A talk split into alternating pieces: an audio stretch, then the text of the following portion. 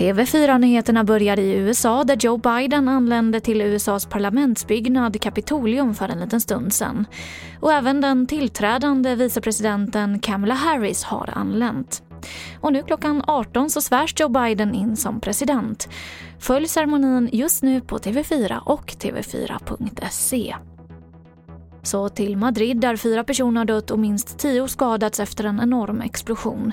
Enligt vittnen så ska ett hus ha raserats i explosionen och flera fordon parkerade på en gata i centrala Madrid ska ha skadats. Och till sist kan jag berätta att årets matbluff har utsetts av konsumentföreningen Äkta Vara. Och den något tvivelaktiga äran 2020 går till Pop Bakery smördeg som visat sig vara en smördeg som trots namnet inte innehåller något smör, däremot palmolja. Och nu är förhoppningen att smördegen ska bli det det heter. Utav de som varit finalister de senaste åren så är cirka hälften av dem har antingen tagits bort från marknaden eller ändrat sig så att den inte bluffar längre. Eller åtminstone minskar på bluffen. Så att man gör saker åt det här. Eh, så att jag tror att det har effekt.